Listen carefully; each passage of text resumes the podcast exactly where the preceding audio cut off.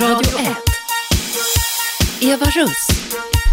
God förmiddag kära lyssnare och än en gång varmt välkomna till mitt direktsända relationsprogram. Du kan lyssna på mig idag ända fram till klockan 12 på Radio 1 och numret in till mig eftersom det är friåkning är 0200 11 12 13 och det du kan göra ända fram till klockan 12 det är att fundera över om du har någon frågeställning, något problem som du vill få rådgivning kring. Jag själv är legitimerad psykolog och psykoterapeut med kognitiv inriktning.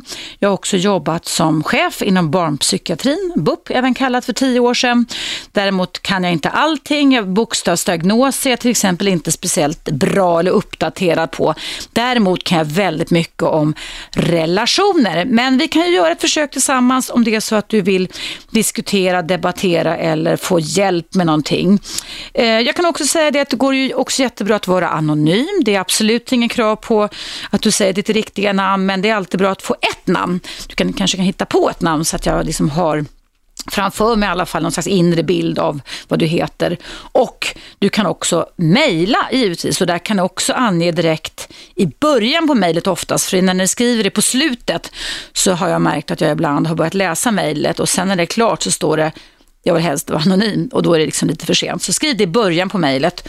Och eh, mejladressen här till mig på Radio 1 det är eva radio 1 snabel gmail.com, alltså evaradio1 snabel gmail.com.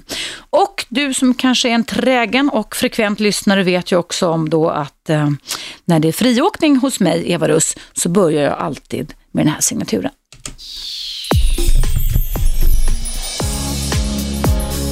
Ögonöppnaren med Eva Russ. Mm. Ögonöppnaren, det är en fördjupning i någonting eh, aktuellt veten, med vetenskaplig grund i. Och då vill jag berätta om en färsk studie, en doktorsavhandling som eh, är så pass färsk så den har publicerats, eh, ett litet utdrag, eller en resumé kan man säga, i mitt fackförbund, Psykologförbundets tidning som kom i fredags. Den heter alltså Psykologtidningen nummer 2 2013. Det är alltså Sveriges psykologförbund som utger den. Och då står det så här som rubrik. Oro driver elever till höga betyg. Elever i skolan som drivs av ångest, oro och pliktkänsla får i regel högre betyg än elever som drivs av intellektuell nyfikenhet. Det visar psykolog Pia Rosander vid Lunds universitet i en doktorsavhandling. Pia Rosander har personlighetstestat 200 gymnasieelever i samband med att de började gymnasiet och sen studerat sambandet mellan personlighet och slutbetyg efter tre års studier. studier. som hon träffade alltså 200 gymnasieelever och gjorde psykologiska tester, personlighetstester när de började årskurs 1 och sen en uppföljning tre år senare när de gick ut ur gymnasiet.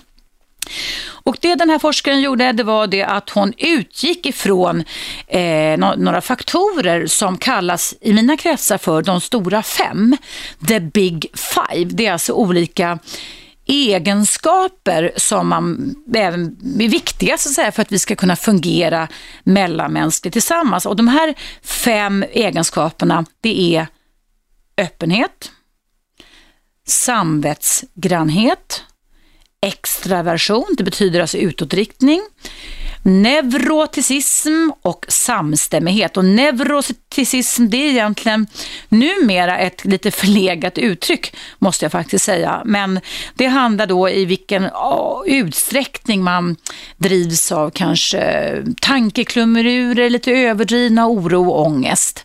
Där man alltså skapar neuroser som gamle Sigmund Freud myntade en gång på 20-talet i Wien. Hur som helst, tillbaka till studion som heter alltså Oro driver elever till höga betyg betyg. Så hon kollade alltså öppenhet, samvetsgrannhet, extraversion, neuroticism och samstämmighet. Och vad den här forskaren fann det var det här.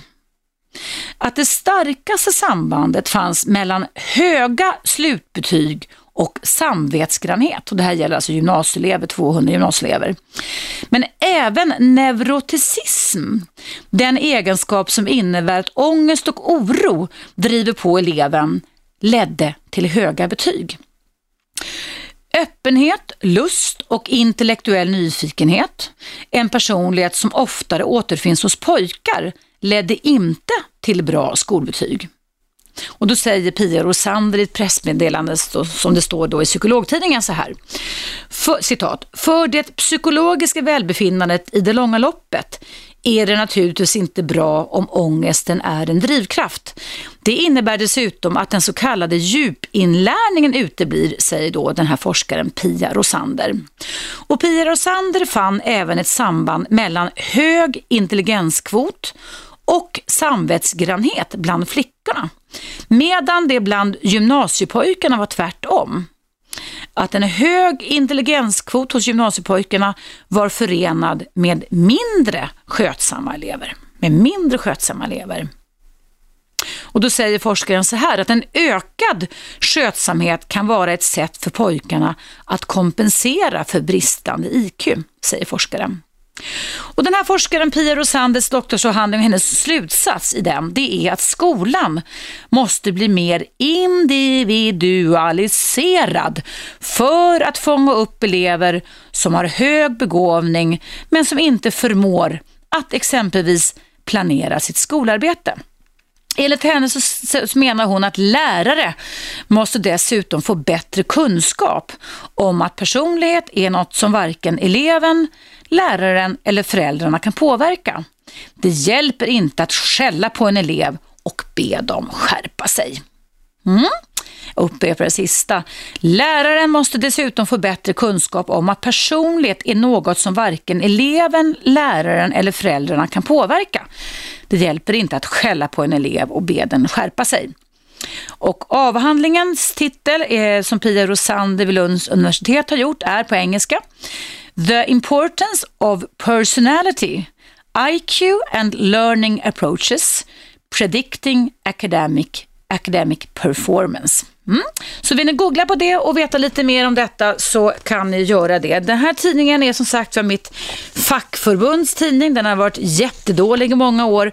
Men sista åren så har tidningen blivit riktigt intressant. Den är liksom lite modern och den är lite upp, upp, uppdaterad, ganska mycket uppdaterad på intressanta saker. Jag kan också berätta om en annan studie när jag ändå håller på med ögonöppnaren här på Radio 1 det är också att man skriver idag i, i psykologtidningen att ökade krav kan leda till depression. Vi har ju de här två kan man säga, folksjukdomarna ångest och depression. Så ångest och oro kan driva elever till höga betyg men också ökade krav kan leda till depression. Och då ska jag läsa upp vad det står i psykologtidningen om det. Det finns ett klart samband mellan höga krav i arbetet och ökad risk för depression och depressiva tillstånd. Det här gäller då jobbet, alltså inte gymnasiet. Det visar professor Ingvar Lundberg, institutionen för arbets och miljömedicin vid Uppsala universitet i en eh, kunskapsöversikt som heter Kan arbetsvillkor orsaka depressionstillstånd? Tre av studierna i den här översikten undersöker sambandet mellan överbeläggningar på sjukhus och senare depression eller uttag av antidepressiva mediciner. Bland dessa ingick sjuksköterskor och läkare på sjukhus i Finland. En av studierna innefattade industriarbetare i USA och som följts upp under fem års tid. Även där fann forskarna ett klart samband mellan högre arbetskrav och depression.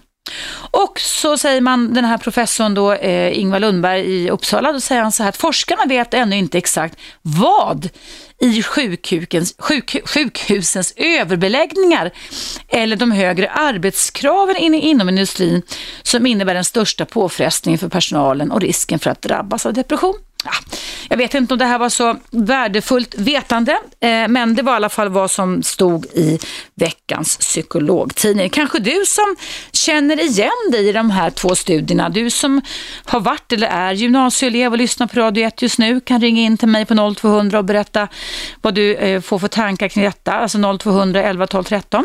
Och kanske du som har upplevt höga krav i arbetslivet och ökad risk för depression och depressiva tillstånd också har någon historia att berätta kring detta. Också kan ringa in till mig här på radio 1 0200 11 12 13. För det är nämligen så att det är friåkning idag kring just psykologi, psykisk hälsa, psykisk ohälsa Eh, depressioner, ångest och relationer som jag kunna säga. Ring in till mig 0200 11 12 13. Nu är det dags för en liten paus och du lyssnar på mig, Eva Russ, på Radio 1.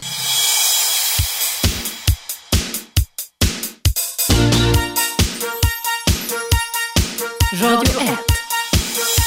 Eva Russ.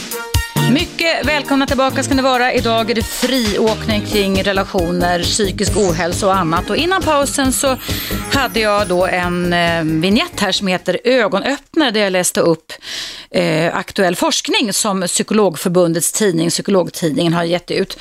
Och då så ringde Julia. Vi ska höra om Julia är kvar. Hallå Julia! Ja, hej, välkommen! Hej. Vad sa du att du reagerade på? Um, jo, jag kan väl nästan sammanfatta det du sa. Det är väl att det finns en hårfin gräns mellan galen och geni. Mm. För uh, man vet inte, som jag, jag är, har väl en enorm kapacitet om man får lov att säga så. Hur gammal är du Julia om jag får fråga först? Vad gör du för någonting? Um, jag är 20 år men jag ja. går fortfarande på gymnasiet. Okej, okay. mm. sista året har... då eller?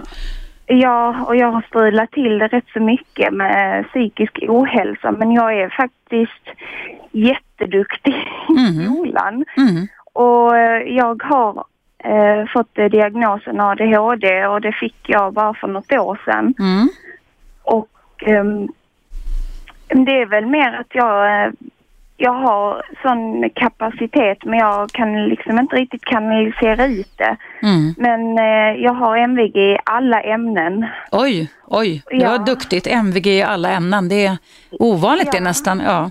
Ja, och jag har, eh, eller jag har VG i ett ämne och det är spanska för det fick jag lära mig själv mm. hemma. Mm. Mm. För jag går på distans. Mm. Och det var lite svårt att lära sig ett nytt språk men mm.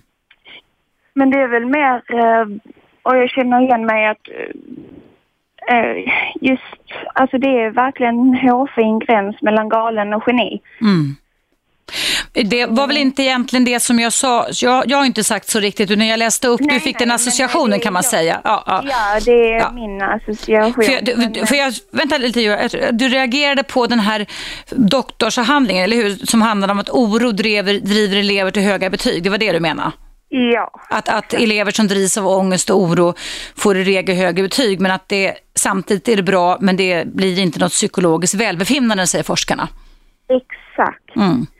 Och det är mycket, man säger att alla konstnärer och så vidare har mycket ångest och så vidare och mycket kreativa mm. yrken men att de innehåller, eller de har mycket kapacitet men de ofta kanske man inte kan analysera ut det. Mm. Har du oro och ångest för att kunna få dina MVG i gymnasiet, Julie? Uh, ja, fast jag har, min oro och ångest är inte riktigt kopplat till skolan utan det är mer allt runt omkring för jag har jättelätt att lära mig. Mm. Det bara sätter sig och det reagerar jag lite på att man inte Eh, att det inte sätter sig i det här äh, djupinlärning. Mm. Det, det reagerar jag lite emot för jag, alltså jag är som en häst eller hästminne eller vad man säger, mm. elefantminne. Mm. Jag kommer ihåg allt men jag har kort arbetsminne. Mm. Jag äh, jättes, alltså jag måste, om jag har ett eh, tal så måste jag skriva ner det för eh, jag kan inte hålla det i huvudet. För jag, okay. tänker på, mm. jag tänker på tusen grejer samtidigt. Mm.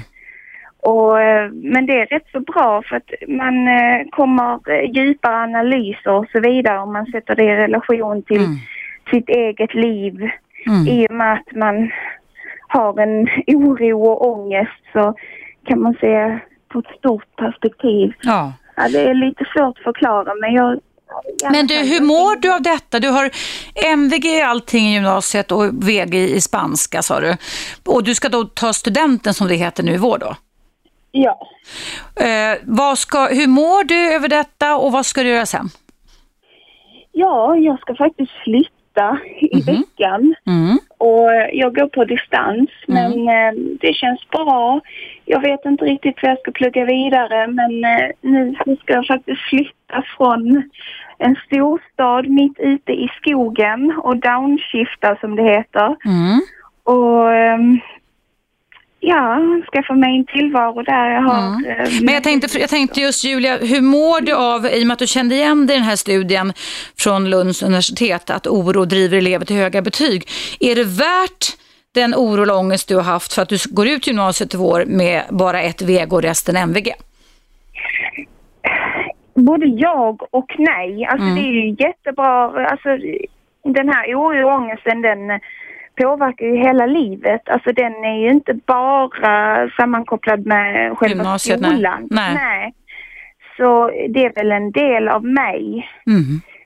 som jag försöker bearbeta och, Mm. och så vidare. Men, Samtidigt så får du valmöjligheter som andra elever inte riktigt har med så fantastiska betyg att du kan Ja, välja att bli vad du vill så att säga. Och det, ja, men det är jätteskönt. Jag behöver ju inte plugga vidare eller jag behöver ju inte ens eh, ta det här högskoleprovet för att komma in eh, på de... Eh, Har du några drömmar om några utbildningar du skulle vilja bli då, Julia? jag vet inte. Det skiftar från kriminolog Mm. till eh, hovslagare till... Oj, det var stor skillnad. Ja, Men det är bra, det ska vara stor skillnad. Att man ska våga, du vågar tänka i alla möjliga och omöjliga riktningar. Det är väl jättebra tänkt av dig tycker jag. Ja, i och med att det är bara jag som sätter mina egna gränser Mm. känns det som. I och med att jag har en kapacitet, men det är väl just den här jävla oro och ångesten som sätter käppar i hjulet. Men du, har du fått eh, medicin mot det? Man medicinerar ju oftast nu ADHD. Ja, jag, eh, jag gick... Concerta heter det va? Eller någonting ja, sånt. men Mm. jag, jag blev eh, mer deprimerad av den. Mhm. I och med att, eh, i och med att jag är glad och alltså jag är väldigt sprallig. Mm. Och eh, när jag medicinerar så medicinerar jag bort den här spralligheten och då Mm. kände jag inte igen mig själv Mm. Och blev djupt deprimerad. Mm. Så jag, idag så har jag, eh, mediterar jag varje dag för att komma Bra. till ro. Vem, det du, det, var, det, det var väldigt, väldigt bra, för du vet att det är ju det som många eh, världsledande forskare inom hjärnforskningen säger, att daglig meditation gör ju under med hjärnans system för ångest och oro. Vem, har, vem har gett dig den informationen att du ska medicinera? Eh, Med, med, med meditation menar jag. Jaha, nej men det är faktiskt eh, landstinget och Bra. jag har gått eh, på medicinsk yoga så jag har fått lite verktyg Bra. och hur, hur man börjar meditation. För att det är ju jättesvårt om man har ADHD och har en Mm. sån här turkisk basar i huvudet och ska sätta sig ner på en kudde. Ja. Och, och hur ska det gå till? Ja. Men då har, man, har jag fått lite knep hur jag ska mm, liksom andas och få vara med lite fysiskt och sen så kan man verkligen slappna av. Mm. Vad bra. Turkisk basar, det sa Linda Ja, eh, Rosing. Du hörde det, hon var ju min gäst för ett år sedan. Eller hon heter inte Rosing längre, men hon hette det förut. Ja. Eh, Telenius Jag heter hon nu. Ja. Ja, jag kände igen det. Men turkisk basar är är bra beskrivning på hur man känner sig i huvudet när man har ADHD. Ja. Eh, Eller även när man kan drivas av oro och ångest som man upplever att man inte kan stoppa. Liksom. Exakt. Mm. Ja. Men du, lycka till eh, flicka lilla. Hoppas att livet går bra för dig och fortsätt att tänk i alla möjliga saker, inte massa måsten och borden. Jag tycker du tänker väldigt sunt. Ta tid på Ja. det och fundera på vad, du vill bli. Och det är lika bra om man kan bli en hovslagare som man kan bli en mars, eller, eh, ja, astronaut. Eller vad det är. Det är ingen Ja, skillnad på det. Ja. Tack för att du ringde in Julia och tack för att du lyssnade på Radio 1. Lycka till, hej då! Hej, hej! Ja, det var alltså Julia, 20 år, som går i gymnasiet, som alltså direkt reagerade på en aktuell studie, en doktorsavhandling om att oro driver elever till höga betyg på gymnasienivå. Så det var ju väldigt kul och bra att du ringde in Julia. Hörrni, jag ska strax koppla in dig Lennart. Det är nämligen så att det är friåkning 0200 11 12 13, 13 kring relationer. Ska höra med Lennart som har väntat en stund. Hallå Lennart? Nej, då hade Lennart lagt på. Vem finns på tråden där? Ja, Nisse här. Tjena Nisse, hej, välkommen. Ska man stänga av den här apparaten. Så. Japp. Ja, nej, det här med skola och prestera och sådär. Väldigt många, jag, jag känner ju folk som arbetar som lärare och det, det, jag tycker det är konstigt för att vissa personer som kan få eleverna att känna delaktighet, Mm. visa respekt, entusiasmera, känna att de är med. De tar faktiskt av att få, upp, få med elever i, i lektionerna, att de Oh, ja. någonting och tycker att det går trivsamt att vara där. Mm. Finns många, ibland när man känner man tittar, jag har haft så här skräckexempel på lärare som, ja, det, det är till och med en robot hade varit mer entusiasmerande och romantisk än vad den människan var. Mm. Har, du funde- har du funderat över vad utgör skillnaden Nisse mellan bra och dåliga lärare? Alltså, det finns ju två aspekter. Dels måste man alltså, man kan ju naturligtvis plugga sig till att bli en bra, att bli en kunskapsmässigt bra lärare. Det är inte samma sak som att man har den här säga, emotionella inlevelsen i att kunna förmå, förmå att delge eleverna en kunskap. Mm. Som jag, har haft lärare som har stått där och mer eller mindre idiotförklarat elever Mm. till ett du, det är bara att läsa på sidan eh, 39 stycke 2 så har du svar på den frågan. Inte sånt Mm. Ett väldigt instrumentellt förhållningssätt utan emotioner och känslor kan man säga. Ja. Mm. Så jag har haft en helt underbar lärare som har stått i matematiken och förklarat det här med parenteser de här grejerna. Har stått med sin, tagit av sig strumporna och hållit för. Det här är ingen parentes. Alltså, som, som har lite känsla, kan göra lite humoristiskt. Men fortfarande kunna ställa höga krav. För att krav, krav, kraven i skolan idag i Sverige är inte så fruktansvärt höga Mm. som det påstås. Mm. Utan det är bara frågan om att man skapar en sån miljö för den, är- den gruppen eller, och den enskilda individen. Mm. Så gör att man kan trivas och prestera. Ja. Mm. Och det är faktiskt det är samma sak som uppför, för, fyller upp där även på, när, sen när man kommer ut i arbetslivet. Mm. Man har ju fått, träffar ju på många chefer genom åren som bara totalt kan sitta idiotförklara, tycker man är dum i huvudet. Gör det här, du ska hinna. Så jag hinner inte, det funkar inte. Jag har ingen som helst möjlighet att göra det här på utsatt tid. Mm. De, de tycker liksom att, ja, nej, det är bara, jag, har, jag vet att det går att göra så, men du kan inte ens utföra någon del av det här arbetet själv. Du kan du komma då och göra en sån analys. Mm.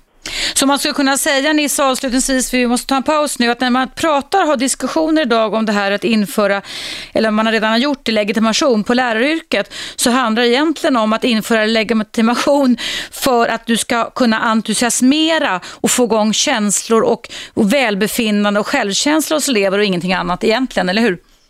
Ja, det är, det är en väldigt stor del av det också. Att man, den här pedagogikutbildningen som finns på lärarhögskolan, den, den, den tycker jag är skrattretande. Jag, vet, jag, vet många, jag vet många lärare som de har inte gått den här pedagogikutbildningen.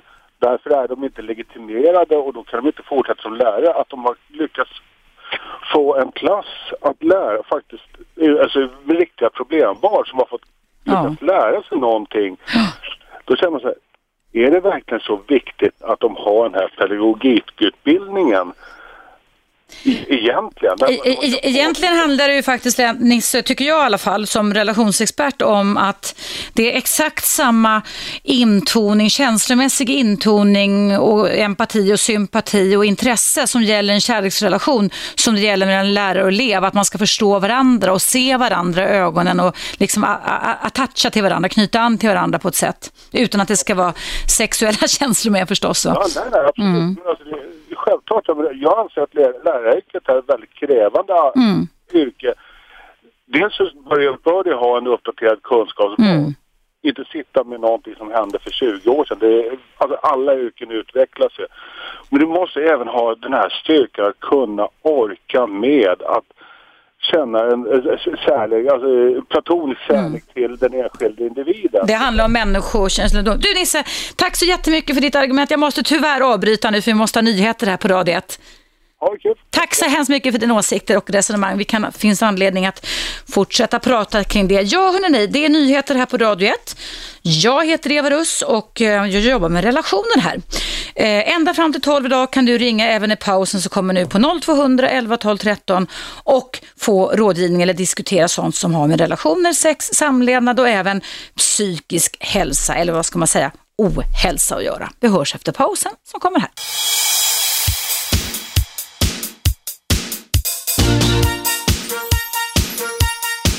Radio 1. Eva Russ. Välkomna tillbaka. Idag är det friåkning på Radio 1 och det betyder att du som lyssnar är varmt välkommen att ringa in till studion här där jag sitter, Eva Russ, på 0200 11 12 13 ända fram till strax innan 12 idag eh, och dryfta åsikter, ställa frågor, få hjälp med rådgivning kanske kring saker som har med relationer, samlevnad och psykisk hälsa att göra. Eh, I pausen så ringde en kvinna in. Hallå, vad heter du? Kristina? Kristina, välkommen till mitt program. Tack. Ja, jag var intresserad av det här, din åsikt om det här, eh, det här surrogatmammor. Jag le, läste i tidningen mycket om det här och Mm. kvinnliga läkare har gått emot det där. Och jag tycker det, är, det måste vara väldigt, för en kvinna som går igenom föda en annans barn, det är ju psykologiskt påverkar det. Mm. Och en del utnyttjar att åka ner och få surrogatmammor i andra länder. Jag tycker det är ett utnyttjande av kvinnor. Vad är din uppfattning? Mm.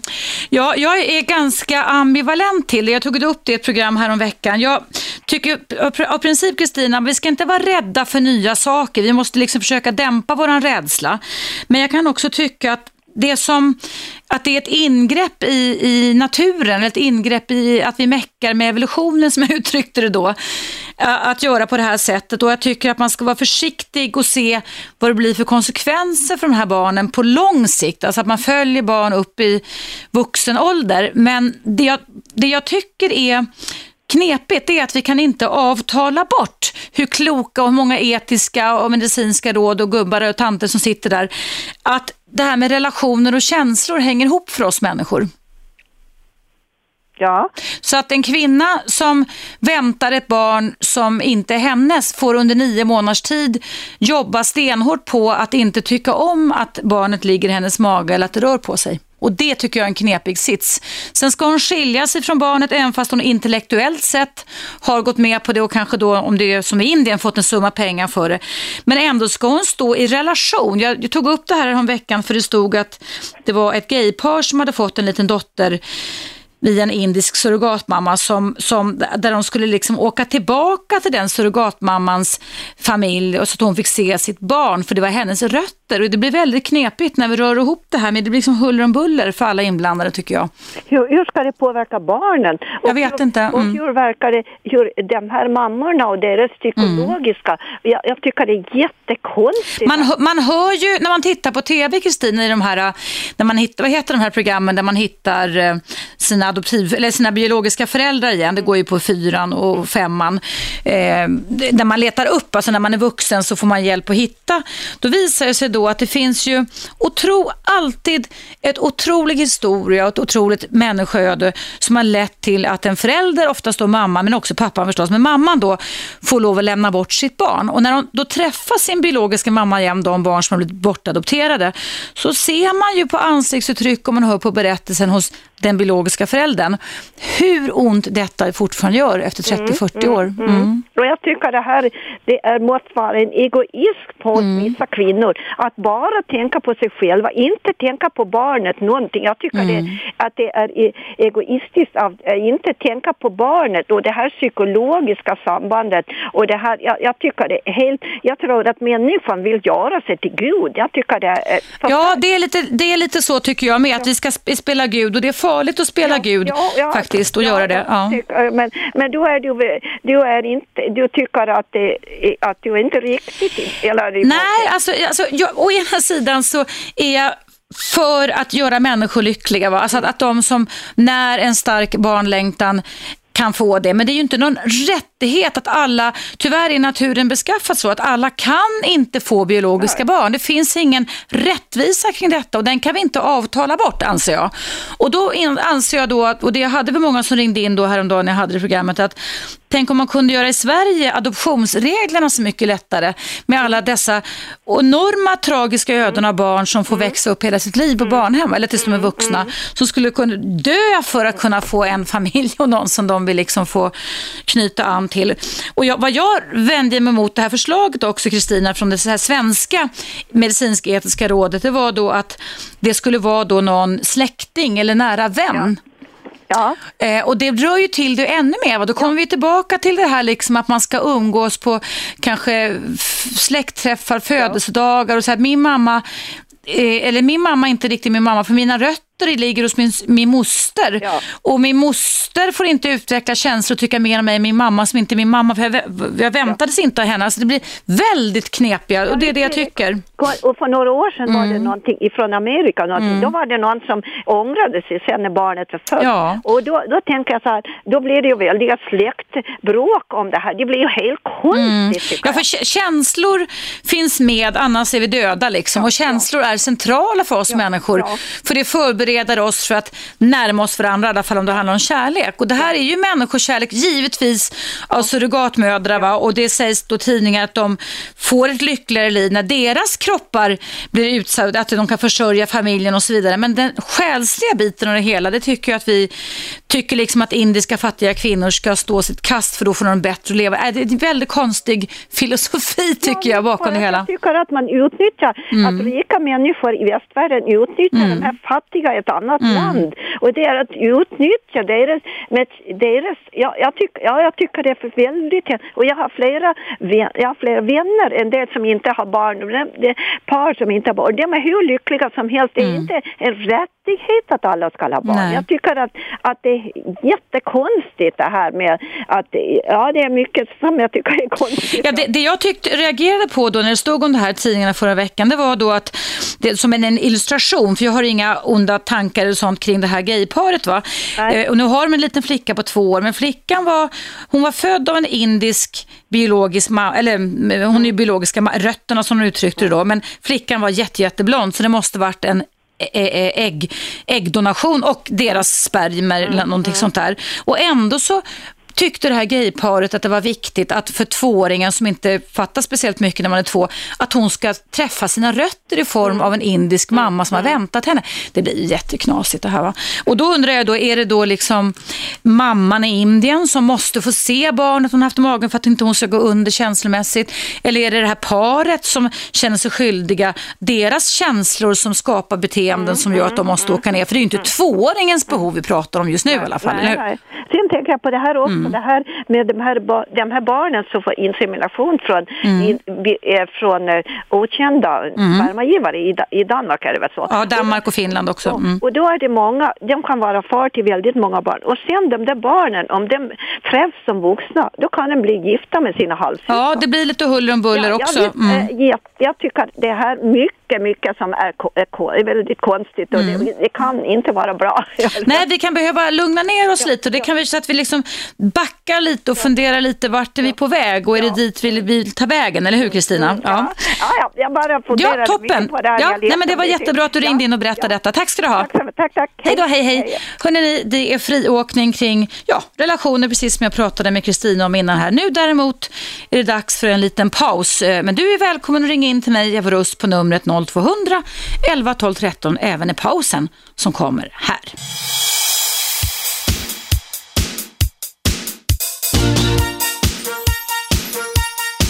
Radio 1. Eva Russ. Välkomna tillbaka. Idag är det friåkning och det innebär att du som lyssnar kan ringa in till mig på 0200 11 12 13 och dryfta allting som är aktuellt för dig i ditt liv just nu. Saker som har med relationer, samlevnad, tankar, känslor kring det att göra.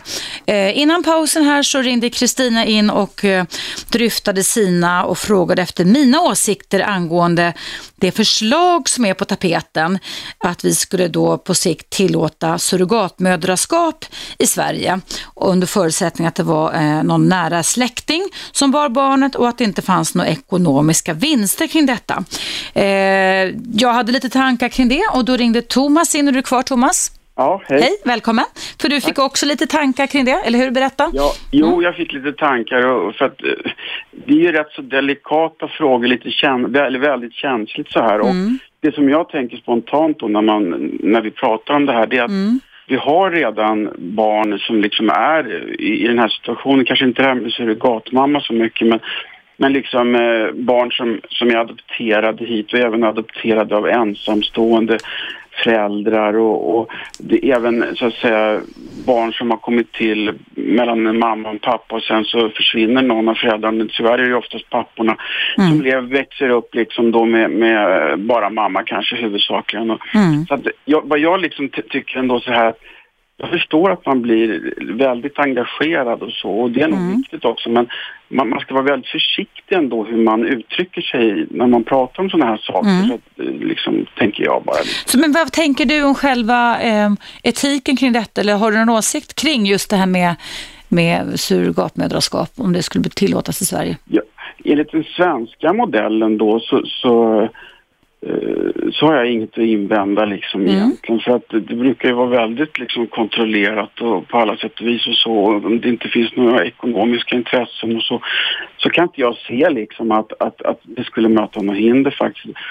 Sen, sen den här aspekten som framkom tidigare då med varför Ja, det blev ju lite fokus på det här att utnyttja, utnyttja då kvinnan i det här fallet och så vidare. Men mm. um, jag tror ju, jag såg också med de här två männen som, som hade fått ett litet barn på det här mm, sättet. Mm. Och då sa ju de att eh, den kvinnan har ju en helt annan syn och det, det måste vi vara klara över att alltså man, i många andra länder så har man en helt annan syn på sådana här saker än vad kanske vad vi har.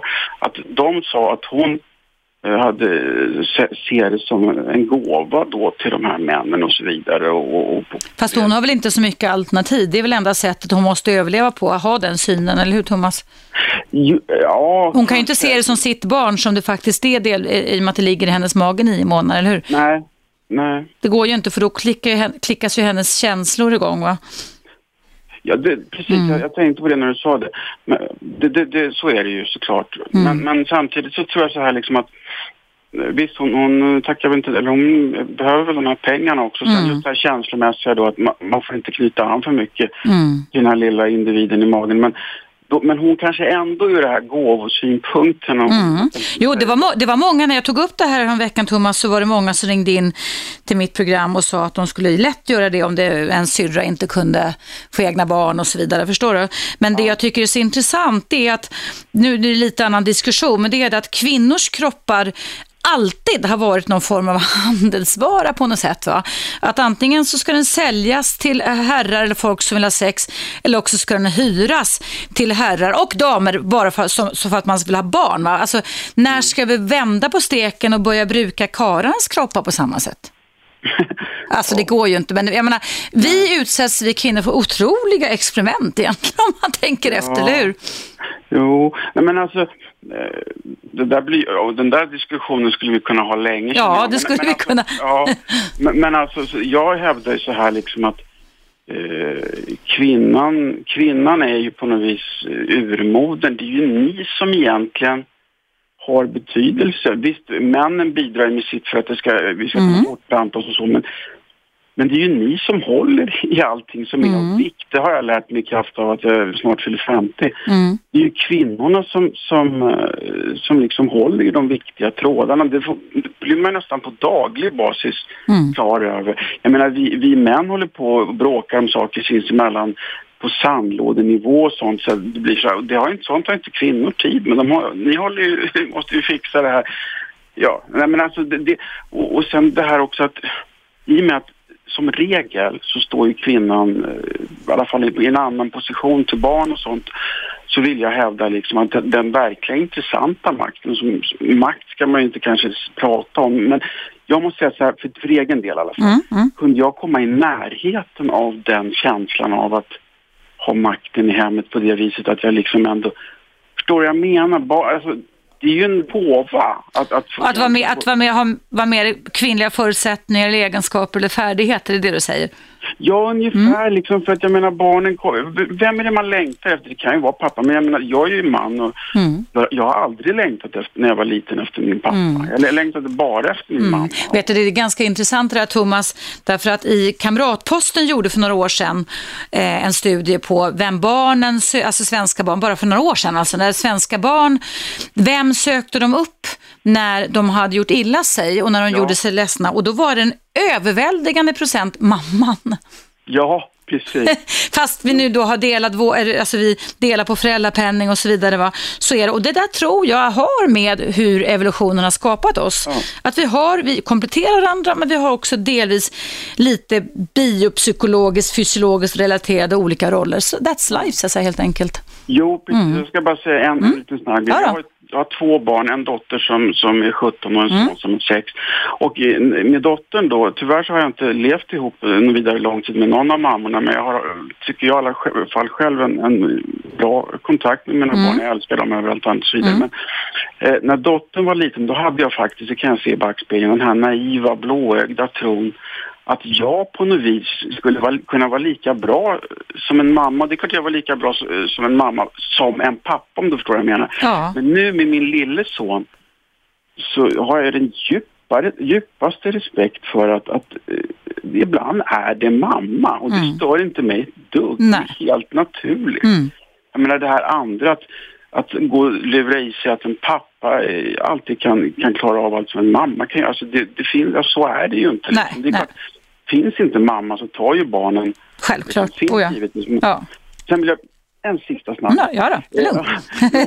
vad heter det? Um, jag tror så här att uh, det finns manliga och kvinnliga förebilder där ute. Mm. Så att är det en, ett barn som kanske har två pappor, två mammor eller en mamma eller en pappa mm. så finns det så många andra förebilder. Mm. Och jag tror liksom att det är en viktig sak vi kan föra vidare till våra små individer. Att vi liksom kan uppträda i olika i, sammanhang som, som förebilder liksom för mm. de här små. Det är jätteviktigt. Ja, ja det är jätteviktigt.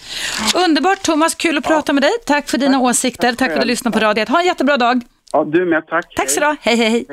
Ja, hörni, det är ju alltså friåkning och där var det Thomas som ringde in. Numret är 0200 11 12 13 och det handlar om relationer, samlevnad, sex och ja, psykisk ohälsa också. Jag som kan rådgiva dig eller vara bollplank gentemot dig heter Eva Russ och är psykolog och psykoterapeut och har jobbat många, många år så att jag kan inte allt men jag kan ganska mycket. Nu ska vi se vem som ringer in här då. Hallå, vem är där? Hej Eva. Hej, vad heter du? Du hörs bättre därför att jag hade både laddaren och... Ja, ja du hörde, det var du som ringde förut. Jag hörde ingenting då. Nej, det är Solveig. Det är Solveig. Hej Solveig, hur är läget? Mm. Jo, det gäller grärfeber. Mm. Men vet du, vad jag kände, vet du vad jag undrar Eva? Nej. Kan man komma förbi där och lämna in papper? Eh, lämna in papper och angående vad? Eh, jag tänker på den här tv Wallers. Ingen aning, vet du. Det, det går ut över, ovanför min horisont. Om du, du pratar om Olle Walle, för du och jag pratades vid förra veckan lite, där jag hade en åsikt kring innehållet i de här Fråga Olle-dokumentären. Det, det är det du vill relatera till, eller hur?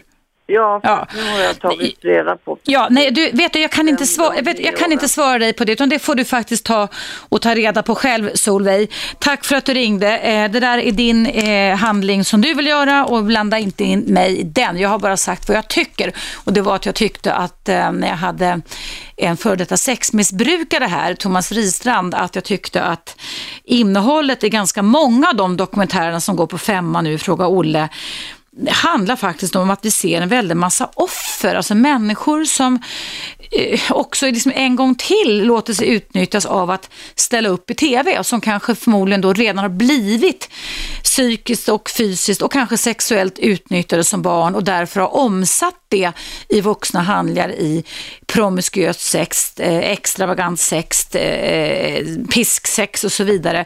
Och att det vi ser och skrattar skrattar åt, egentligen borde vi gråta åt. Det var mer så jag tyckte, att det finns massa saker där som inte är så aptitliga och då tänker jag inte på vad de gör utan vad de här personerna som jag anser är offer i fråga Olle utsätts för. Man pratar ibland i min värld om att man kan utsätta folk för dubbla kränkningar. Först kan man bli kränkt liksom i ursprungsfamiljen eller alltså det har hänt traumatiska saker och sen kan man liksom bli kränkt en gång till av att folk exploaterar en. Och jag tyckte då att det var exploatering jag tror att det var det Solveig menade för Solveig som verkar vara en trogen lyssnare, reagerade så starkt och ville nu då liksom överklaga eller ja, gå på TV5 om det här och det var det jag sa till om nu att det hon får hon avgöra hur hon vill. Jag har bara sagt min åsikt och det är det som vi kan göra här på radio, att säga vår åsikt. Hörrni, nu är det nämligen dags för en nyhetsuppdatering.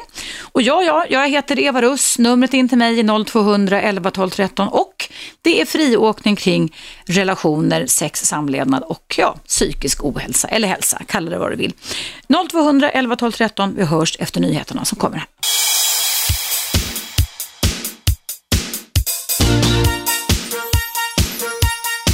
Radio 1. Eva Russ. Välkomna tillbaka ska ni vara. Det är friåkning och jag heter Eva Russ och det handlar om relationer, sex och samlevnad och psykisk hälsa eller ohälsa. Har du någon fråga som du ligger och funderar på, lurar på, behöver svar på, behöver rådgivning kring? Ring in till mig. Det är direktsänd relationsradio här på Radio 1. Numret är som vanligt 0200 11 12 13. Det är många som ringer. Ska se vem som kommer först i anspråk. Hallå, vem finns där? Ja, hej, det är Olle. Hejsan Olle, det var länge sedan jag hörde någonting från dig. Ja. Hur står det till med det nu för tiden? Jo då, det är bra faktiskt. Vad är det som, vad är, det som är bra faktiskt, menar du? Ja, i övrigt. Mm. Men eh, den här är, eh, som jag var kär i sist, och hon, Mm. jag har lite svårt att, att lämna henne.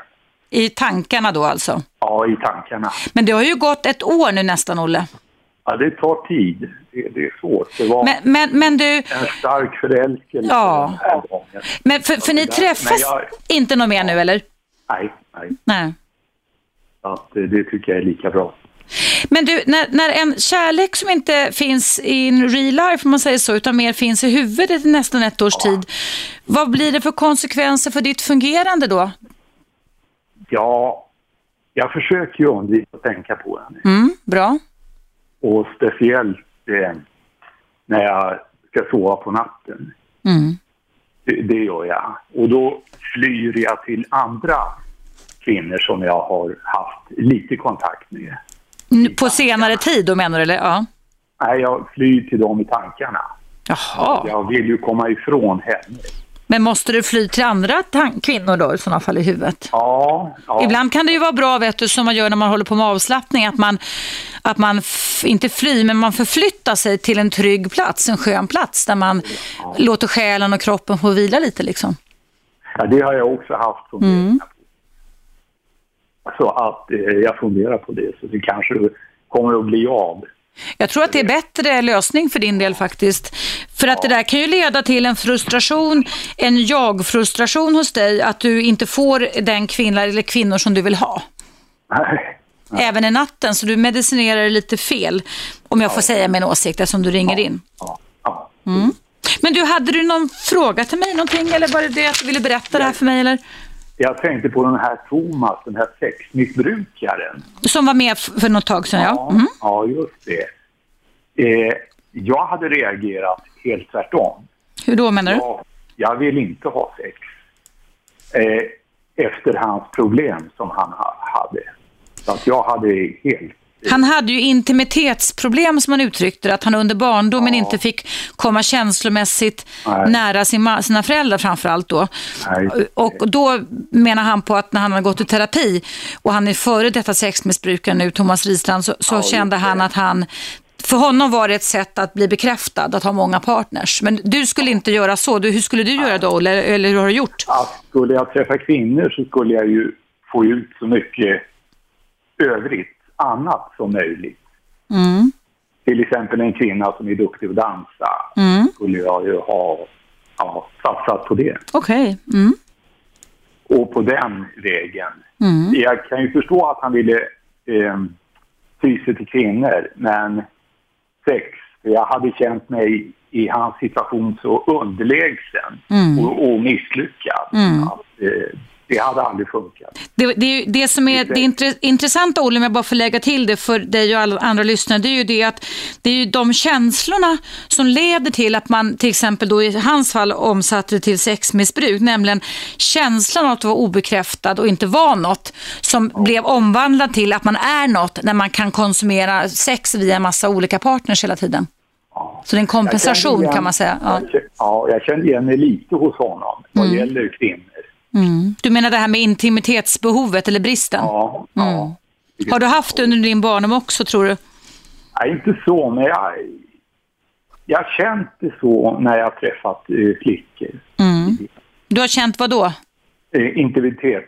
Eh, eller lite misslyckande. Det blev ingenting. Okej. Mm. Det blev kalla handen. Mm. Men det är ju det du håller på med nu, om du fortfarande ett år efteråt, Olle, du visualiserar av den här kärleken som hade bidde något. Liksom. Hon var ju upptagen redan när ni träffades.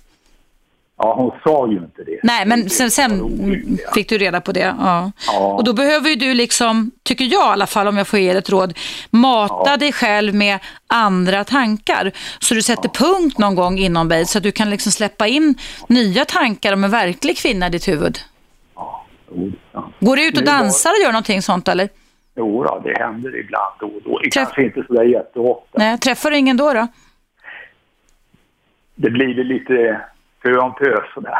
Mm. Nu när vårsolen tittar fram så växer ju oftast, det finns, finns faktiskt en koppling med förälskelse och kärlekskänslor och solljus. Jo, För jo. oss här i Norden inte, inte minst. Va? Men eh, jag tror att eh, förälskelserna kommer växa som vitsippor och blåsippor i backen hos väldigt många framöver. Mm. Det olyckliga med den här flickan, det var ju det, hade hon sagt eller hade haft sin pojkvän med sig eller make eller hur det nu var. För ni vandrade i fjällen, visst var det så? Ja. Ja, Mm. just det. Då hade det aldrig varit några problem. Mm. Då hade jag ju respekterat det. Och jag respekterar ju folk som är ja, gifta, förlovade eller sambo. Väldigt noga. Hon kanske, som jag sa då, hon kanske blev lite intresserad av dig, så kan det ju vara, men det är ändå inte en förklaring till varför hon fortfarande sitter i ditt huvud efter ett år. Nej. För det är inte bra för dig, Olle. Där får du sätta punkt helt enkelt. Punkt. Jo, jag, jag försöker. Ja. Mm. Får du fortsätta försöka, min vän, så att du får, får ur det. För det finns utrymme för andra kvinnor i ditt huvud och i verkliga livet också, ska du se, om du sätter punkt och suddar ut henne ordentligt. Jag hoppas det. Ja, det tror jag. Jag vet att det är så. Du får lita på mig. Ja, ja jag visst, jo, jag, jag litar på det. Då vet jag dagsläget, Olle. Eh, ha det så jättebra. Tack för att du lyssnar och håll mig uppdaterad. Detsamma du. Ha det jättebra. Ja. Ja, hej. Hej då, hej. Ja, hörrni, det var Olle som eh, blev olyckligt kär kan man väl säga för ett år sedan. Jag har ju haft Olle och ni som känner igen i det här program som handlade om att ni kan ju gå in på våran hemsida eller kolla på podcaster som handlade alltså om, alltså under min programtablå, Eva Russ som handlade om hur ska man göra för att kunna avprogrammera sig från att vara kär. För det är faktiskt ett bekymmer det där. Att man alltså genom tankar och olika sätt kan behålla bilderna och minnena för mycket så att de lever sitt eget liv in i huvudet och då kan man gå omkring och känna sig olycklig ganska länge.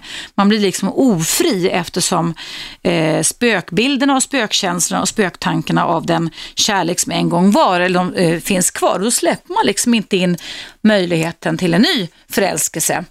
Så att huvudet kan alltså nästan bli kidnappat där med. Ja, det är friåkning och eh, nu ska vi se vem som finns på tråden. Hallå, vem är där? Hallå, finns det någon på tråden? Hallå? Hallå, är det Eva? Ja, det är det. Hej, Ja, välkommen. Det här är Kristina. Jag vill ta upp en helt annan sak. Ja.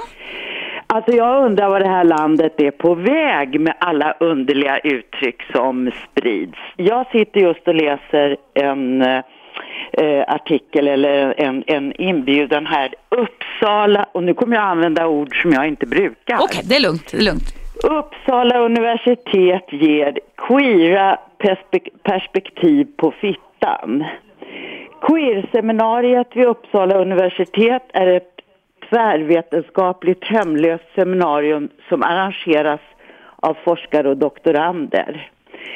Detta sätt att förstå fittbärande kroppar innebär dock en syn på fittan som förknippad med föreställningar om ursprunglig feminin femininitet.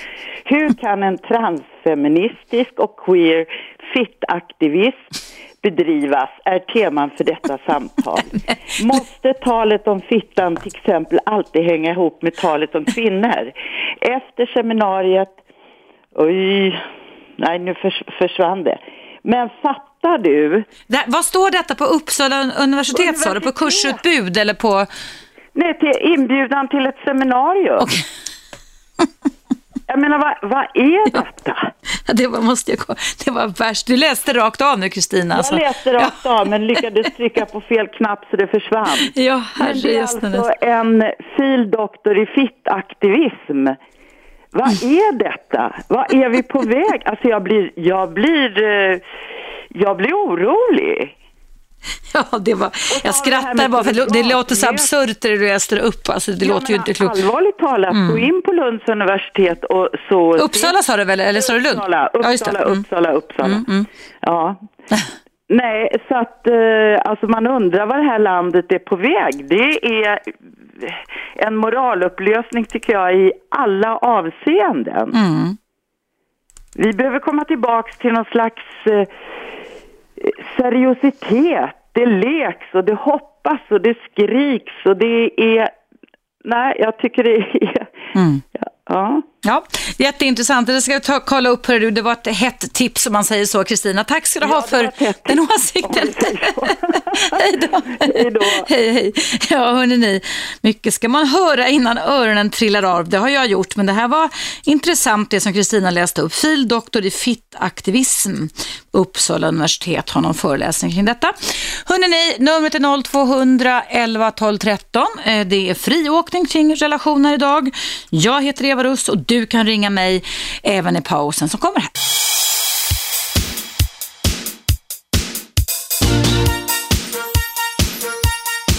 Radio 1. Eva Russ. Välkomna tillbaka. Ja, idag är det friåkning 0211 12 13 om du vill dryfta relationsproblem eller åsikter som har med det att göra. Och det har gjort Daniel gjort som ringde in i pausen. Hej Daniel!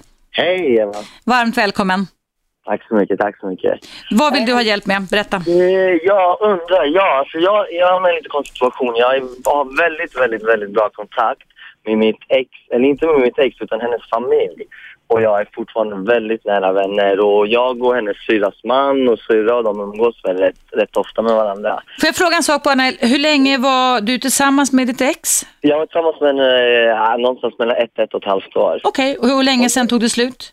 Det tog slut för ungefär ett och ett halvt år sedan. Så nu okay. har jag träffat en ny tjej ungefär ett år, mm. strax över ett år. Och vi har det jättebra. Hon säger att det, hon har inga problem med det så länge hon vet att, det, att vi blir bara vänner och att mm. jag sitter och hänger med, med mitt ex och dem tillsammans. Och, så det känns ju bra så. Men alla jag pratar med tycker ju att det är helt stört. Hur kan du umgås så mycket med ditt ex-familj när du har en ny tjej? Och när du säger alla, vilka tänker du på då Daniel? Alla vänner runt omkring, okay. vänner, familj, de på jobbet. De, mm. ingen, de menar på att de skulle aldrig tagit det om de var min flickvän. Men hon säger att det är okej, okay, men det känns ju...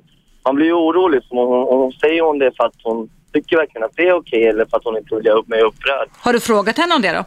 Det har jag gjort också. Hon säger att det är verkligen okej. Hon litar på mig. Mm. Och då kan inte du sätta punkt som jag sa till Olle att han skulle göra utan då ältar du det och är lite orolig för att det inte stämmer det hon säger. Precis, för att alla andra tycker att det är en sån mm. situation. Och, men hon tycker det är okej, jag tycker det är okej. Så ja. det borde egentligen bara vara Nej. Får jag fråga en sak Daniel? Mm. Är du en sån person även i andra avseenden som har svårt att släppa saker? Nej, faktiskt inte. Så det här är lite unikt för dig om man säger så? Det är lite unikt alltså. Det, mm. det är bara det. Jag vill inte göra henne ledsen. Jag gillar Nej, henne. jag förstår. Ja. Jag vill, och jag vet att hon gör det för mig också, så jag vill mm. inte att hon gör det för min skull. Utan om det är så att hon tycker att det är jobbigt, då är det hellre att försöka testa dem tillsammans liksom, och lära känna mm. varandra ännu bättre. Ja. Men han, och jag tycker bara, hur, vad tycker du? Att, hur är det där? Nej, alltså, jag tycker att det är fantastiskt att man kan vara vän med sitt ex. Det är väl den största gåvan efter att en relation har tagit slut. Mm. Det blir ju som att kärleken går över till vänskaps och familjekärlek istället. Det tycker jag du ska vara stolt över och sträcka på att ni kan upprätthålla. Det är inte alla som kan det, Daniel. Nej, det vet jag. Det, vet jag. det är väldigt, väldigt bra. Va? Sen tycker jag, om du frågar min åsikt, att det gäller att jag har tagit upp det i någon av mina böcker, att nästan skriva en skylt på din telefon eller hemma där det står så här, så här står det, från och med nu har jag bestämt mig för att aldrig vara mottaglig för andra människors negativa inflytande, punkt. Sållande. och så upprepar du det som en mening. Från och med nu har jag bestämt mig för att aldrig vara mottaglig för andra människors negativa inflytande. För det här är ett exempel på hur andra människor, alla, det var därför jag frågade vilka alla det var, va? försöker få dig, därför att du representerar, vi är ju flockdjur vi människor, va? och du representerar någonting som alla egentligen skulle önska att det kunde vara. Då skulle vi ha mer fred på jorden om vi kunde förlåta varandra och fortsätta som vänner. Någonting, någonting känslostarkt har gått över, eller hur? Men absolut, det är lite så jag Ja, det är fantastiskt. Du är en förebild istället. Jag tycker det är roligt som helst att de fortfarande vill vara vänner med mm. Vi skapar ändå en relation utanför mitt och mitt exförhållande. Utan ja. så så du, du går i bräschen för någonting som stör andra. För det utmanar dem och kanske får, får aktivera känslor hos dem. Att de inte kan ha den förmågan som du har. Så att vad du ska göra det är alltså att skit i, ursäkta uttrycket, i vad alla andra kan tänka. Då får du nästan gå omkring med en mikrofon livet ut och fråga och håll dig och din flickvän och din exfamilj Tänk på de goda känslorna, fortsätt vara goda vänner för det, man vinner så mycket mer på fredlighet än krig alltså. Verkligen. Ja mm. men då så, det känns ja. skönt det känns skönt att ni... Det är ingen fara, tack för att du ringde in och berättade. Ha det jättebra Daniel och lycka till med relationen. Tack så mycket. Hej då. Hej. Ja, det tycker jag verkligen. Det finns nämligen så, jag såg en film, ja kan det vara kanske 20 år sedan, man kan googla, eller man kan eh, eh, ladda ner den om du googlar på det på internet så finns det en film som heter The Miracle Man, Mirakelmannen. Och den är eh, en sån här amerikansk eh, populär eh, psykologisk vetenskaplig historia som är en dramadokumentär. Alltså det som har hänt har hänt men sen har man gjort en lite mer film i utbildningssyfte. Och där fick jag den här skylten därifrån, det är alltså mer än 20 år sedan men, men den går att ladda ner fortfarande. Det handlar då om mirakelmannen Morris, en affärsman som är ute och flyger med sitt lilla, lilla jet eller propellerplan tror jag det var, och råkar daska in och krascha med några ledningar, elledningar och eh, blir förd till sjukhus där han från första stunden eh, upplever, han kan inte prata, han är så illa skadad, men han upplever att alla runt omkring honom vill döma ut honom. Eh, och han får med en blinkning avgöra om han vill att de ska sätta in livsuppehållande åtgärder eller inte, för han hör hur läkarna säger att det här är ingen idé, han är bara en grönsak, det här blir inget bra liv för honom och sådär. Och han säger ja till livet med en blinkning och sen så slutar givetvis alltihopa med att han eh, går in till de här läkarna som dömde ut honom och förvånar dem och med, med kryckor och så vidare. Och då säger läkarna så här, jag trodde aldrig att det här var möjligt. Och då säger Morris, nej jag trodde aldrig att det var omöjligt att jag skulle kunna gå in på ditt kontor igen efter den här svåra olyckan. Och eh, när då läkaren som först dömde ut honom säger överraskad, men Morris, hur kommer det sig att du övervann. Och då tar han fram den här skylten som jag sa till Daniel nu, där det står så här på engelska då, eh, att aldrig vara mottaglig för andra människors negativa inflytande. Och den skylten hade han och såg på när han låg språklös, tallös, lealös på intensivvårdsavdelningen. Och den liksom matade den här Morris in i huvudet att aldrig vara mottaglig för andra människors negativa inflytande och hävdar då i slutet på den här dramadokumentären den som heter Mirakelmannen eller The Miracle Man på amerikanska, att det hjälpte honom till att bli överleva den här oerhört svåra olyckan som han var med om. Och så där kan vi faktiskt göra. När jag hade Martin Lidberg här som gäst så berättade ju han hur han, när han blev världsmästare i brottning, hur han jobbade med att dekorera sitt hem med en väldig massa meningar. Eh, han tryckte till och med upp löpsedlar. Martin Lidberg är världsmästare. Alltså han sa till sig själv vad som komma skall och hur han skulle göra. Och det är ju så våra hjärnor funkar. Att vi kan, alltså vi, vi kan instruera oss, som Olle berättade tidigare idag, och lida, men vi kan också instruera oss på att känna energi mot nya saker. Och eh, vi kan också dras till sånt som känns energirikt, men vi kan också dras mot sånt som känns energifattigt. Och till exempel i tider som dessa så kan man ju se i nästan vilken tidning som helst som man öppnar, både kvälls och veckotidningar, om de här mirakelkurerna på Mirakelmannen, om hur du snabbt kan bli av med vikt det är inte bara den här Eva Bülow som säger att man kan gå ner 22 kilo på månad, vilket är fullständig bullshit skulle jag säga. Men här kan det gå ner typ 4 kilo på en vecka och det är ju inte fett du går ner utan du går ner vatten mitten och sen går det upp det lika fort eller går upp det till lite mer. Så idag så är folk besatta av att vi ska komma in i bikiniformen, alltså beach 213, 2013 och då, beach 2013 och då eh, eh, är det ju många som tänker så här, ja jag ska sätta upp en avskräckande bild på hur jag såg ut förra sommaren eller hur jag ser ut just nu. Så att varje gång jag tittar på den på kylskåpet eller vad jag nu sätter den så ska den bilden hejda mig ifrån att öppna kylskåpet och stoppa i mig de här extra kalorierna som jag verkligen inte behöver. Men grejen är den att det skapar motsatta känslor. Eh, det har visat sig i forskning att om du sätter upp en bild av en målbild som inte är något rolig, alltså som inte är något energirik, så kommer den också att utlösa tankar, känslor och inre bilder. Och då kan jag nästan garantera att om man har en sån destruktiv, svart, dålig målbild framför sig så kommer du öppna kylskåpet 15 gånger mer än vad du skulle göra om du till exempel skulle gjort ett fotomontage som man kan göra då. Photoshop, alltså gör ett montage på hur du vill se ut istället som är mer energirik och som blir en målbild som du dras till. Slut på denna lilla miniföreläsning. Det är friåkning 0200 11 12 13 kring relationer, sex och samlevnad. Och nu ska vi höra vem det är som ringer in till mig, Eva Russ. Hallå, vem är där? Hej, Anna. Hej Anna, välkommen. Hej. Nej, jag var tvungen att ringa in för jag tyckte det var så roligt det här med inte mot, alltså att äh, andras negativa mm. inställning. Så jag har själv en liten lapp som jag har hängande. Eh, vi har haft eget också, man har haft mycket kundkontakt och ibland mm kom det ju in kunder som eh, var mindre roliga och då kommer jag ihåg att då gick jag bakom eh, en stund och så stod jag och tittade på min lapp där det stod infamna, eh, inte mottaglig för andras negativa attityd och så stod jag där och rabblade lite, infamna, infamna, infamna. Infamna sa du eller? Ja, in, infamna. Och det var så bra att rabbla det, inte mottaglig för andra, andras negativa attityd. Ja, ja. Mm. ja. Det är precis samma sak som det här mirakelmannen. Ja. ja, precis. Och det var faktiskt rätt så bra för då, då tittar man på den och så rabblar man lite och så tänkte man och så gick man ut och så var man lite mm.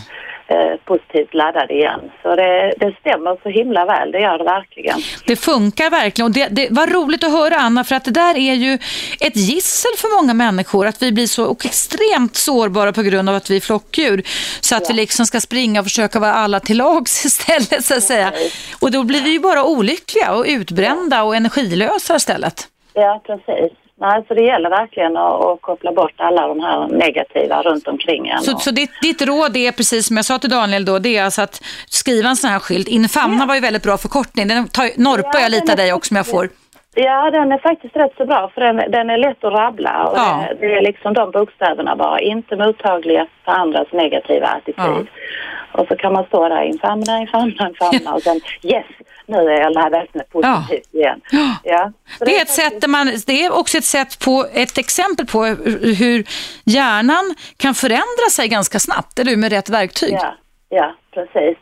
Så det finns eh, alltid, jag tycker det är så kul att höra också när du pratar, för det finns så många små bra knep som mm. inte är besvärliga och som mm. inte är eh, krångliga att ta till, men som mm. faktiskt hjälper. Ja, Absolut. Vad roligt. Då kanske ja. jag ska ta upp lite mer sådana knep framöver i veckan. Jag har ju skrivit en bok som heter Bli en vinnare som kom ut 2007 som innehöll väldigt mycket sådana här knep. Men det kanske är dags att jag dammar av den lite nu igen då och tar upp sådana knep i programmet. Tycker du det?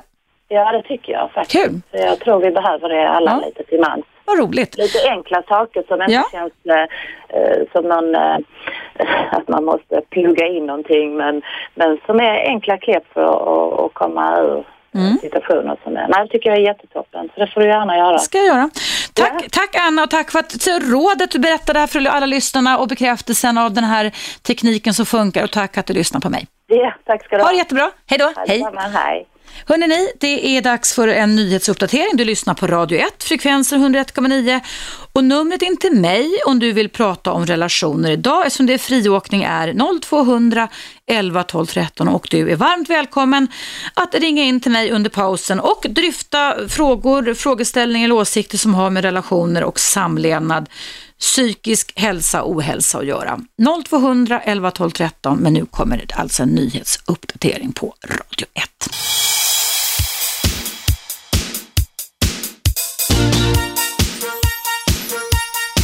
Radio 1. Eva Russ. Jajamensan, det är jag det. Välkomna tillbaka. Idag är det friåkning kring relationer. Ring in till mig ända fram till klockan 12. 0200 11 12 13. Om du har någonting som du vill belysa eller diskutera eller kanske också få svar på. Eh, Anna ringde in i pausen till mig. Hallå Anna. Hej. Hej, välkommen. Berätta vad du vill ha svar på. Jo, eh, jag har haft eh, sex allt för många gånger när jag egentligen inte velat. Mm. Var onykter och eh, egentligen inte velat det. Nej. Och när, när du säger allt för många gånger, skulle du kunna uppskatta så vi förstår begreppen, kvantiteten tänker jag? Eh, alltså det, det, är inte, det är inte antalet som är, det jobbiga. Eh, Men jag bara tänker när du säger allt för många gånger, pratar vi om 100, 50 eller 200 eller vad pratar vi om?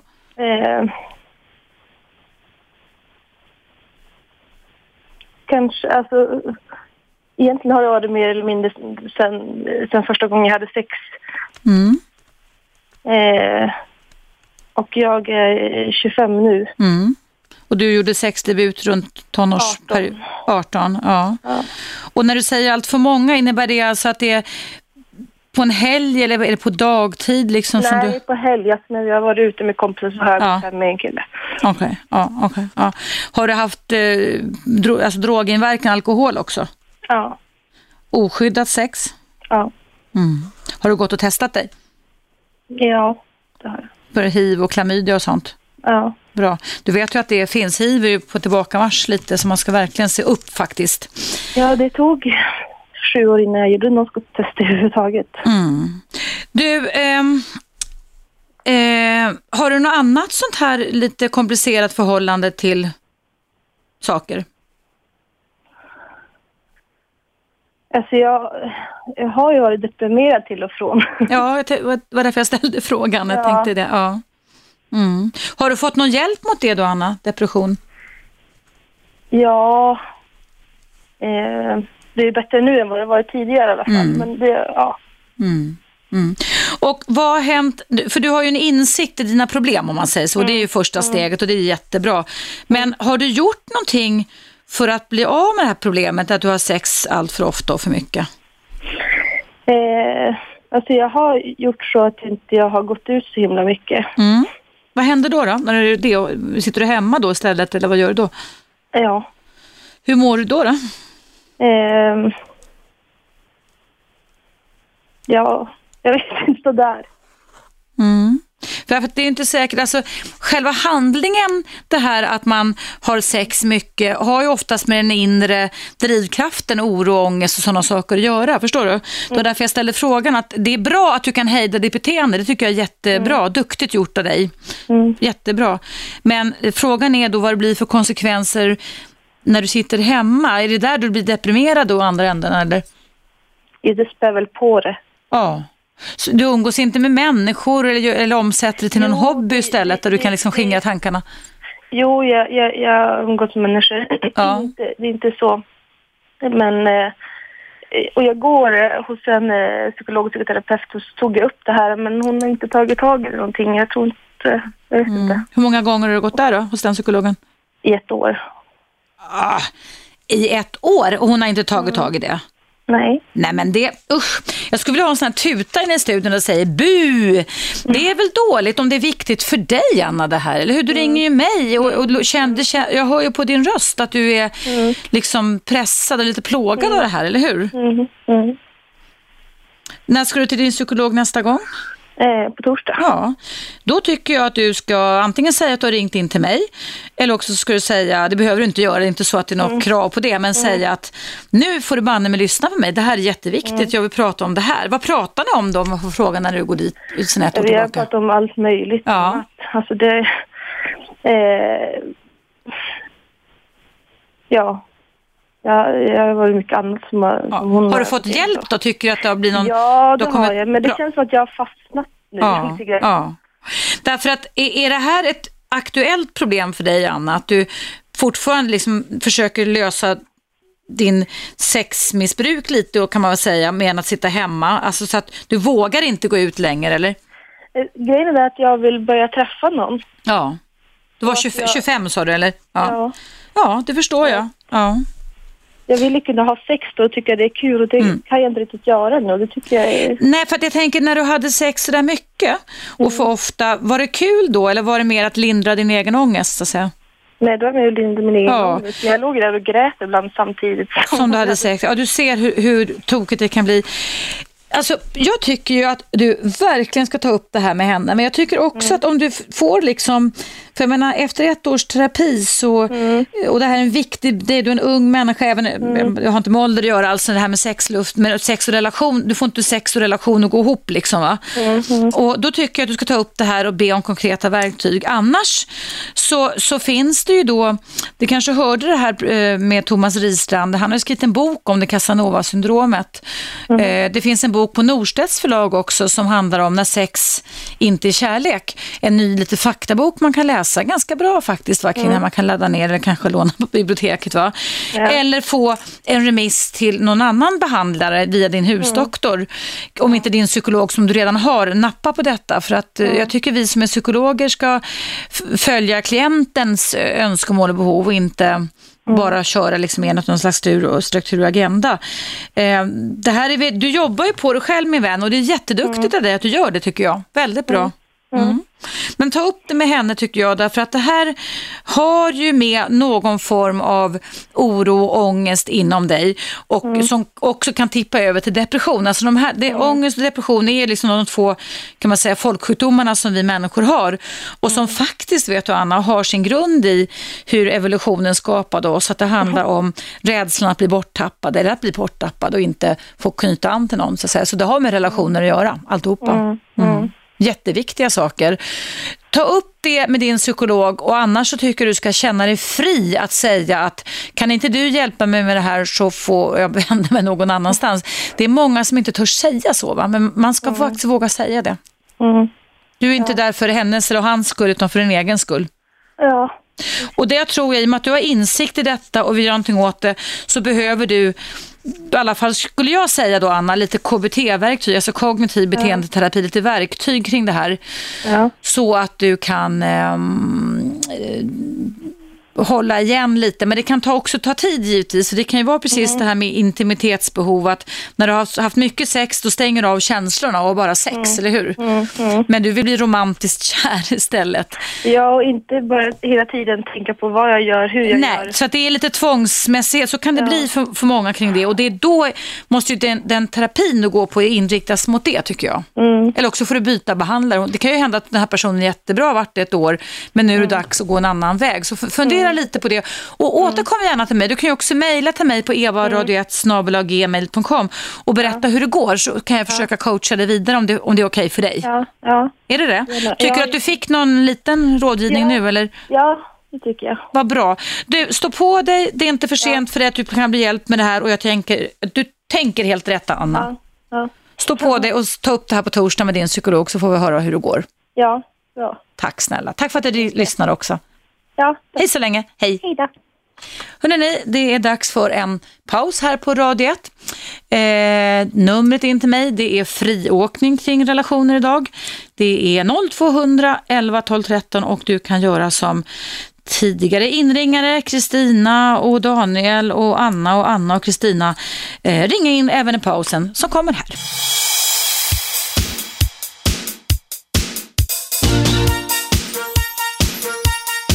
Radio 1.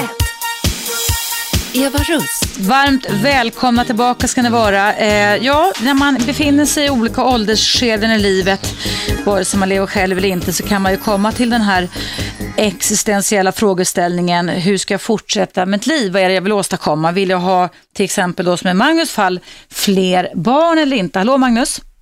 Ja, Hej, välkommen. För det är precis det dilemmat som du och din partner sitter i just nu. Mm, det kan man säga. Mm. Ni hade två barn som var tre och ett halvt och sex år hörde jag. Just det. Och din partner vill ha barn, ett barn till, men det väl inte du? Ja, ungefär så har vi Ja. lämnat. Mm. Hur, hur långt har ni kommit och vad har hänt när ni har diskuterat detta, ett tredje barn? Vi eh, diskuterar väl så tillvida att vi, våra hållpunkter och vad vi har för argument och Ja. försöker vi naturligtvis lys, lyssna in. Mm. Men, mm, vi står ju där vi står. Mm. Och vilka argument har du lyssnat in då? Eh, från, din, från din fru eller sambo? Jo, att det är kul med liv och rörelse och mm. fart och mm, så. Och jag tycker att det är ju det med två barn. Mm. Mm. Och, ja, det...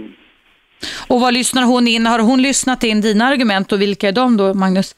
Ja, det, det har hon och eh, mm. det är ju det att eh, jag tycker att det vi två, vi har ju två fantastiskt fina barn mm. och um, allt har gått bra och det, jag tycker att det känns fullt upp som jag mm. är ändå. Mm. Och och har svårt att se om man ska få in fler mm. i det här och visst det, det går ju men det, jag tycker att det blir ännu mer kaos och artat än vad det mm, Ja. När ni träffades en gång i tiden, hade ni samma drömmar om hur stor familj ni skulle ha? Det vet jag inte. Jag var ju ganska tydlig med att det skulle vara två barn. Okej, okay, så det, där har du varit tydlig i alla fall? Mm. Ja. Mm. Men det, det, det, kanske din partner inte var det och det kanske inte var så lätt, för, för, för, det är inte lätt för alla människor att föreställa sig gåvan eller känslor som aktiveras när man väl får vänta barn och få föda barn, eller hur? Nej, visst, absolut. Det kan vara någonting, det blir inte konkret så att säga förrän det väl är där. Du, vad är det värsta som skulle hända då? Om ditt argument vann då Magnus, att det blir bara två barn och inget mer? Det är att hon känner att drivkraften är för stor och mm. Vill liksom ja, försöka få det liksom i, i ett annat sammanhang. Mm. Skulle hon åka till någon sån här donationsklinik tänker du då eller? Och skilja sig från dig då eller? Ja, vi har, vi har ju naturligtvis olika, diskuterat olika ja. möjligheter då. Men, ja. men, det kan ju kom, komma till liksom ett sånt skede att, att mm. drivkraften är för stor. Mm. Och eh, vad är det värsta som skulle hända om, om du gick med på att ni skaffade ett tredje barn för, er, för, di, för din del och för familjens del? Men för din del framför allt? Ja, då, det är väl eh, motsatta då så att eh, det skulle bli för mycket och för, eh, för mycket kaos. Ja. Jag upplever och Mm. Ni är ju tvåbarnsföräldrar redan nu. Finns det en möjlighet ifrån att du bortser ifrån att ni kan skapa ordning och reda? För ni måste väl ändå ha lite ordning och reda för tre och ett halvt-åringen och sexåringen också?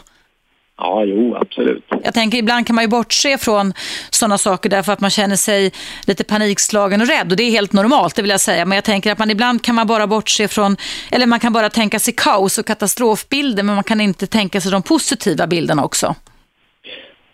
Ja, det, det är naturligtvis så att eh, jag kanske målar upp en, en, en, en eh, kaosartad bild.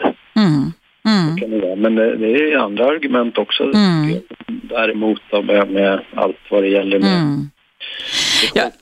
miljö och ja, men det... Jag kan berätta för dig att jag har en granne i det huset där jag bor, en, en eh, Eh, de har faktiskt precis, jag fick ett sms i helgen eh, att de hade fått sin fjärde pojke. Och eh, då är det så här att den här kvinnan som jag står och snackar lite med, vi umgås inte men i alla fall hon har då sagt att hennes man från början bara ville ha två barn, de hade två pojkar.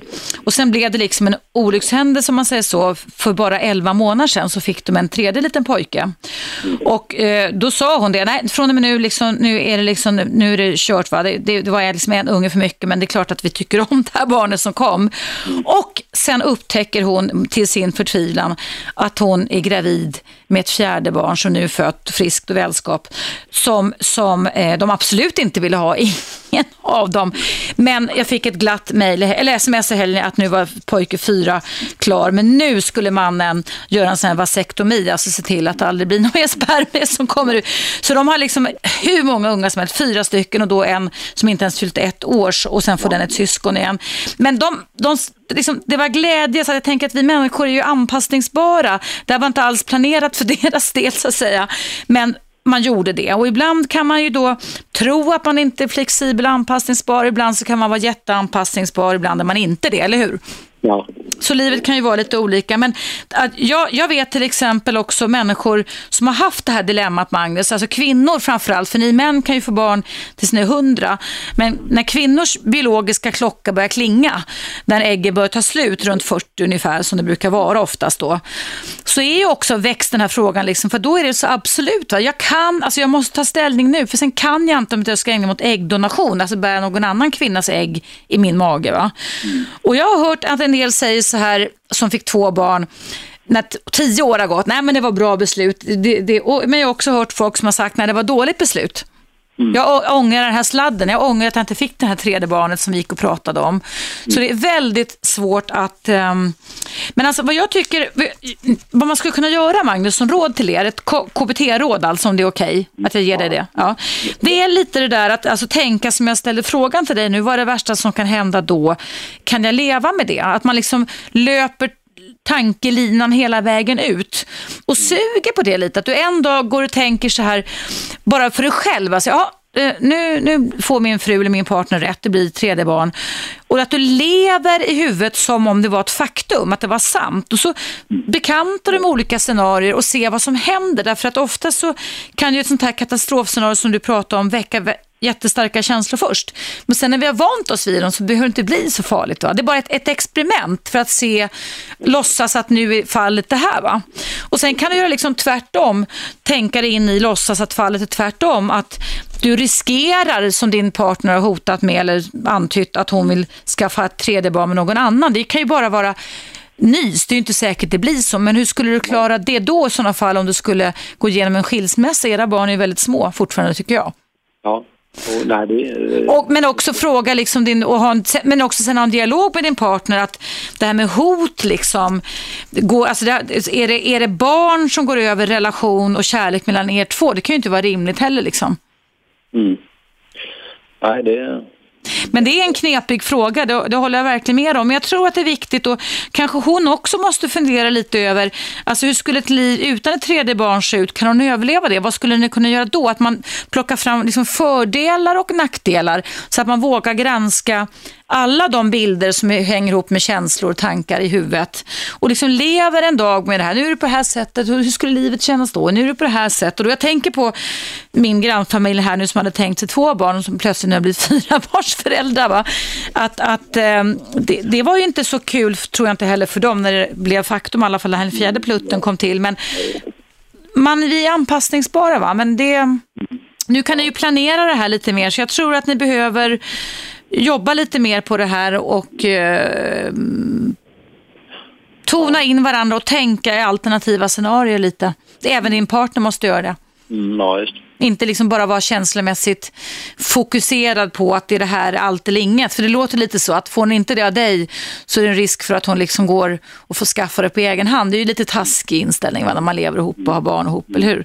Ja, jo, ja, men det känns, känns ju så. Ja, det förstår jag. Och det får hon sluta med. Det får ni försöka prata med varandra om. Att det leder ingen vart. Va? Det, det är inte fruktbart. Det fruktbara är att ni liksom tonar in och suger lite på varandras argument och låter tiden framöver avgöra lite. Så även om hon snart fyller 40 så men alltså, det betyder inte att hennes ägg prompt tar slut då. Men att det kan bli svårare att bli gravid, så kan det vara. Men, men det, det, det kan man ta ett blodtest och kolla också hur mycket ägg en kvinna har kvar faktiskt. Okay, okay.